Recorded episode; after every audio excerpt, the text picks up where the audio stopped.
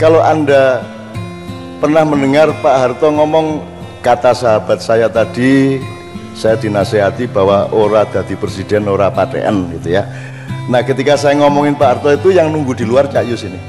Jadi semua yang saya lakukan selama reformasi yang tidak diingat orang lagi dan tidak pernah diriset dan tidak pernah orang mempertanyakan seolah-olah reformasi itu pelakunya adalah yang sekarang berkuasa kan begitu mereka semua dulu itu tiarap dan mereka semua itu pengikut Soeharto.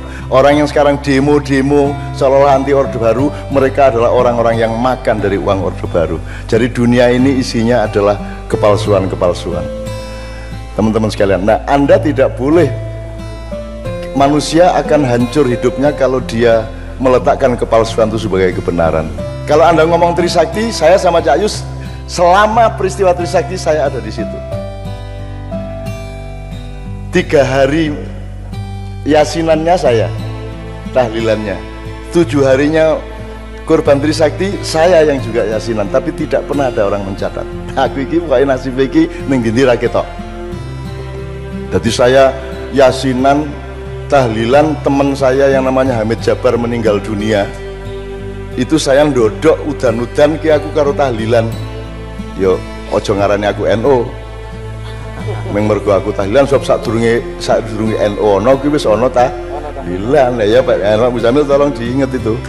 Tolong diingetin gitu loh. Tahlilan kuwi lak meng la ilaha illallah cuman kita perpanjang dengan ayat-ayat inti dari Allah kemudian dengan syair-syair yang terbaik kan gitu. Itu ijtihad lah gitu. Nah aku ndodok tahlilan itu udan-udan setelah dikuburkan. Terus aku diteleponi saka Padang karena Hamid Jabari Padang Medan kabeh iki telepon Cak kok nggak datang ke pemakamannya Hamid Jabar? Ngono kuwi. Soalnya di koran yang keluar itu ndak ada saya. Lah aku iki sing ndodok udan-udan isi la ilaha illallah ini ditelepon kok ora teko? Eh, biar masuk aku harap misuh tengah-tengah talilan gitu nah, kan begitu. Itu contoh saja. Nah saya tidak mengatakan saya akan menagih sejarah tidak tapi zolim orang yang tidak mengakui A adalah A. Dan anda akan hancur kalau anda tidak mengenal ibumu, bapakmu dan riwayat asal usulmu demikian juga semua orang yang sekarang korupsi dan menikmati reformasi kalau dia khianat terhadap kebenaran apa yang terjadi pada tahun pada tahun 1998 itu anda akan kena Wama ya'mal muthqala dzarratin khaira yarah wa ya'mal dan waktunya akan segera tiba. Anda siap-siap makanya wudhu saiki wudhu sing oke pikiranmu kabeh.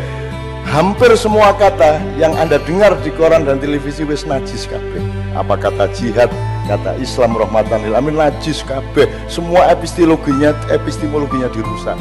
Bahkan hukum yang padat itu bisa diterapkan secara terbalik oleh hakim A dan oleh hakim B jane mung ora wudu tok kuwi wis najis munggo wis kudu wis kudu adus anu kuwi.